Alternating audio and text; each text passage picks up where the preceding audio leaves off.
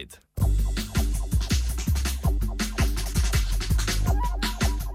Situacija po poplavah, ki so prizadele dobršen del Balkana, se je deloma umirila.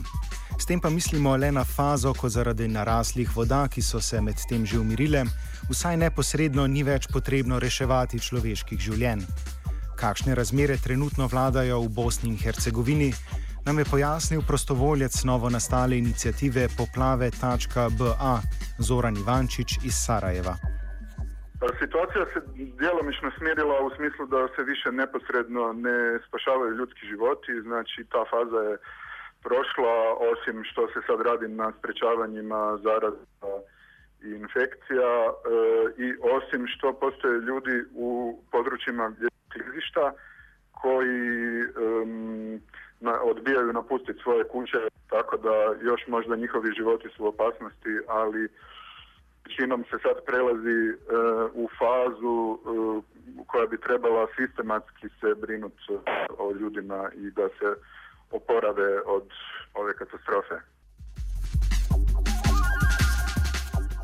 Poleg Hrvaške in Srbije je najhuje poplavilo Bosno in Hercegovino. Trenutno največja problema področji v Bosni in Hercegovini, ki so jih poplave najhuje prizadele, ostajata možnost epidemij in mine, ki jih je po vsaj desetletju truda strokovnih ekip deminerjev razneslo, po nekaterih informacijah, tudi vse do Črnega morja. Iz Bosne pa poročajo, da naj bi zaradi te naravne nesreče brez domov ostalo po grobih ocenah vsaj 80 tisoč ljudi, 50 tisoč objektov pa je bilo uničenih. Lokalne oblasti naj bi sicer, po njihovih trditvah, že poskrbele za nastanitev večine brezdomnih državljanov v občinskih in drugih stanovanjih za začasno obdobje. Še vedno pa deluje 40 kriznih centrov, ki nudijo zasilno bivanje še 5000 ljudem. Zoran Ivanovič nam predstavi, zakaj je težko oceniti število ljudi brez domov in da so največ pomoči nudili sosedi in prostovoljci in ne država. To je gruba procjena, e, teško je dati e, tačnu procjenu jer se e, radi se o, o, o zemlji sa kompletnom geografijom i neki e, krajevi još nisu ni dostupni nekim timovima za evaluaciju i tako dalje. Tako da, ok, možemo otprilike govoriti o toj cifri. Njima su uglavnom priskočili u pomoć susjedi, bilo susjedi u istoj općini ili gradu ili susjedni no, gradovi i mjesta gdje su se ljudi smjestili, eh, a kažem većina je i dalje na području u ili oko svojih kuća koje sad neke će trebat obnoviti, neke će trebat raditi nove, to se još ne zna. Ovaj, uglavnom eh, država je zakazala, državne i državne, mislim, pod para državne, mislim na Crveni križ, recimo, koji je jeli, obuhvaćen zakonom i ima svoju ulogu u rješavanju, jeli. Oni su uglavnom e, bili nepripremljeni i nisu raspolagali s informacijama, nisu imali e, ni ljude, ni potrebnu tehniku da spašavaju ljude, tako da najveći broj ljudi su spasili rafteri, sportaši, turisti davnici jeli, koji su ovaj, volontirali sa svojim čamcima. Ne? Glede na intenzivnost pomoči in organiziranost, bi lahko sklepali, da so leto v Bosni in Hercegovini najbolje izpeljali udeleženci nedavnih protestov in plenumov. Nadaljuje Zoran Ivančič. Da, ja isto imam takav utisak eh, da su i tog dana počeli djelovati zato što su u tim događajima uh, u februaru i martu su se uspostavili formalni i neformalni odnosi među grupama građana u Tuzli, u Zenici, u Sarajevu, u Mostaru i e, njima je bilo prirodno da isti dan kontaktiraju jedni druge i počnu raditi, prikupljati pomoć, ići na teren i tako dalje. Tako da, ovaj, to, je, to što ste rekli, to je istina, to je tako i, i nekako je prirodno da se to desilo. Evo. Zakaj pa so vzpostavili novo platformo poplave.ba? Mi sad smo podigli platformu uh, www.poplave.ba na kojoj e, pokušavamo agregirati sve informacije i kao vijesti i akcije sa terena, ali i database, da nam se ne bi opet desilo kao što su rekli poslije rata da je, ne znam, Bosni došlo 20 milijardi dolara, što se niste oporavili, jel? Zato što većina tih e, novaca na kraju završava na e, overhead troškovima, znači na nekakvim troškovima samih tih donatora, a e, mali e, postotak procenat ide na krajnje korisnike. Ja? Druga stvar, ima najobičnijih krađa, jer ljudi krađ, kradu i novac i, i materijale, mislim, u toj fazi, znači, e, ne kažem da se to dešava, nego mi sad imamo, trudimo se da, da, da spriječimo tako nešto, ne? Nadaljujemo z Agdinom Orahovcem, pomočnikom direktorja Centra za razminiranje min v Bosni in Hercegovini, ki nam najprej pojasni, v kateri fazi pri lociranju min so in kaj se pravzaprav dogaja na terenu. Centar za uklanjanje mina v Bosni in Hercegovini je trenutno v drugoj fazi uh, akcijnog plana u situacijama ovakvih katastrofa, tako da sada pored velike obaveze da se do svakog stanovnika ili spasilačkog tima ili konvoja ili bilo koga koje je u kontakt zonama sa poplavljenim područjima, sa potrebama dostavi informacija o opasnosti od mina koje su veoma prisutne u, u tim okruženim područjima. Dakle, možemo reći uz veliku podršku medija i, i, i civilne zaštite kriznih štabova u lokalnim upravama, da je informacija proslijeđena, također mora spomenuti da i tamo gdje nema struje i ne može se pratiti o, medijski program, e, timovi Eufora sa helikopterima dostavljaju letke upozorenja, tako da mislim da je svaki stanovnik upozoren na opasnost koja nas e, očekuje u narednom periodu. Dakle, šta se desilo? E, ovo je velika katastrofa, nezapamćena ovdje i, nažalost, velika područja koja su E, sumnjiva na opasnost od mina su zahvaćena e, strašnim e, udarima pomjeranja tla, klizištima, velikim bujicama, šumskim poplavama i jednostavno to sada treba da se razumije šta se u stvari desilo. Mi smo sada dakle, u fazi kada prikupljamo informacije i pokušavamo da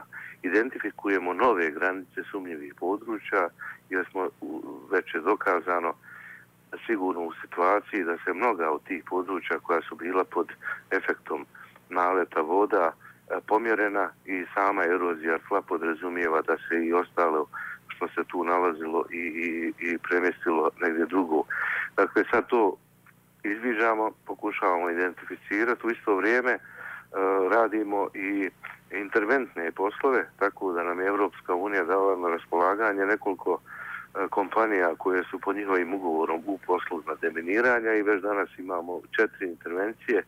Dakle, kad treba da se neki nasip donesen iz Minskog polja i tako dalje ukloni da bi se osigurao neki alternativni put ili prolaz do nekog mjesta ili sela, to rade deminijski cinovi i, i e, mislim da odgovaramo na sve te zahtjeve.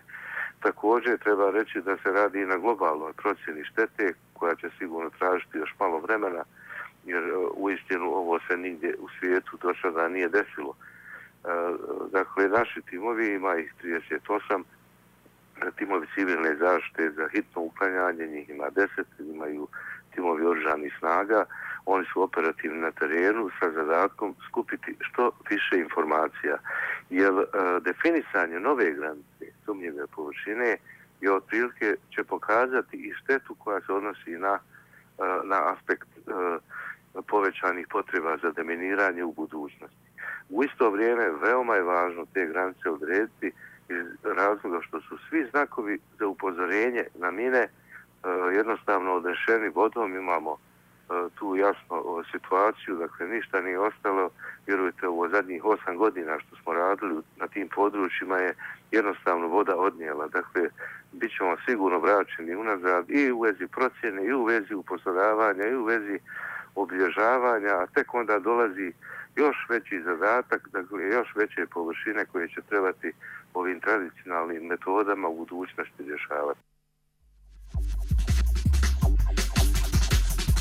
Po ocenah Centra za razminiranje min v Bosni in Hercegovini je neeksplodiranih min še 120 tisoč. Ahdin Orahovac nadaljuje z razlago, kaj v tem trenutku v primeru plavajočih in odnešenih min najpomembnejše. Znači, veoma važno eh, da se, da se što prije reaguje i da se što bolje procijeni situacija dok je eh, recimo atmosfera vruća jer u, u, u periodima katastrofa najviše se nauči i najviše se uradi. Kasnije je sve mnogo teže jer sada su otprilike sve informacije dostupne. Mi imamo veliku podršku u istinu od naših kolega, partnera i donatora tradicionalni. Već danas je ekspertni tim Amerike na terenu da procijeni štetu. Mi već nekoliko dana ovdje imamo bespilotnu letelicu koja pregleda kritične tačke slika i koordinira. E, dalje imamo na raspolaganju i, i satelitske snimke o granicama poplava.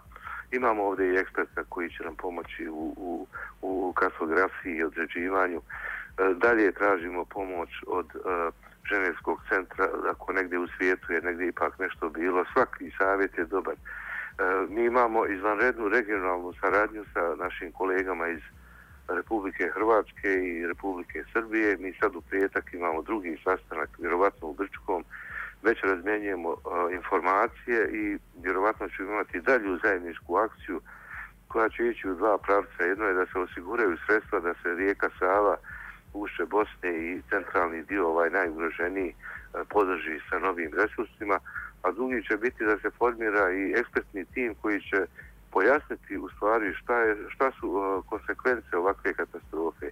Mi smo uputili zahtjev i fakultetu za E, geologiju, rudarstvo i, i građevinu u Tuzli, pošto su oni u epicentru događanja i već nek, u najavljenim danima mi očekujemo i njihovo uključenje u, u pomoć, jer u istinu ovdje nije samo problem mina, nego glavni uzrok e, pomjeranja mina će se morati sa tim ekspertizama utvrditi dakle, šta se desilo u stvari sa, sa plom.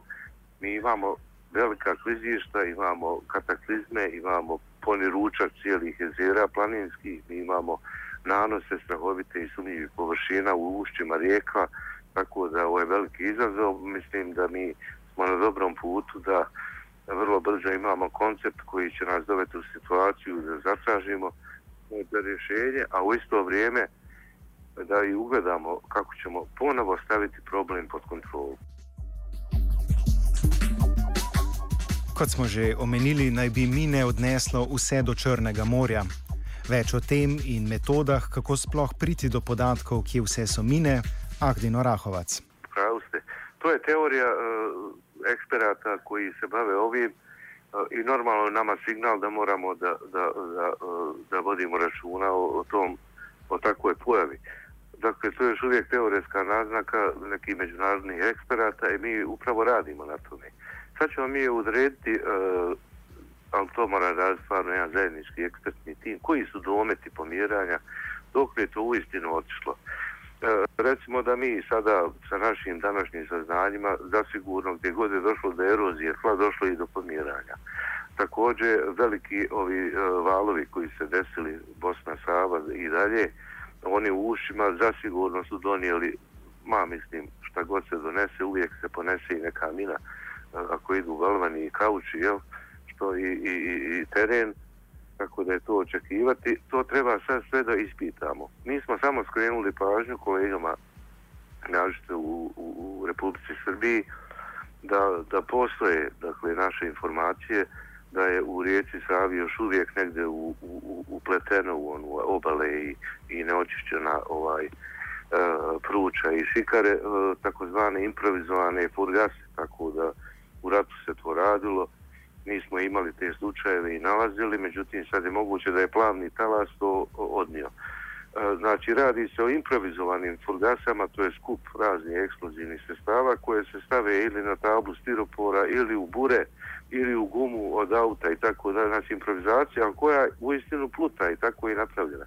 Oni imaju stalni monitoring na kritičnim tačkama i ja mislim da su spremni za ovakvu vrstu. Toga nema mnogo. Međutim, svaku opasnost mi moramo eliminisati sa prevencijom monitoringom i akcijom, intervencijom. Eto, to je sada faza u kojoj se nalazimo.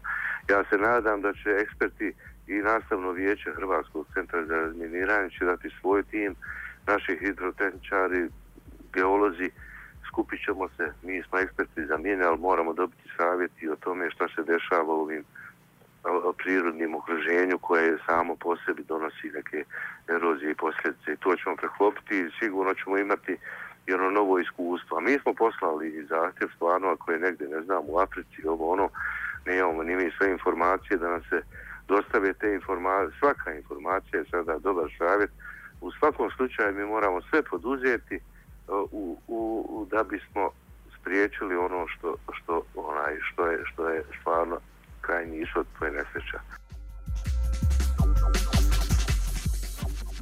Offsajt je pripravil Luka Počevalšek.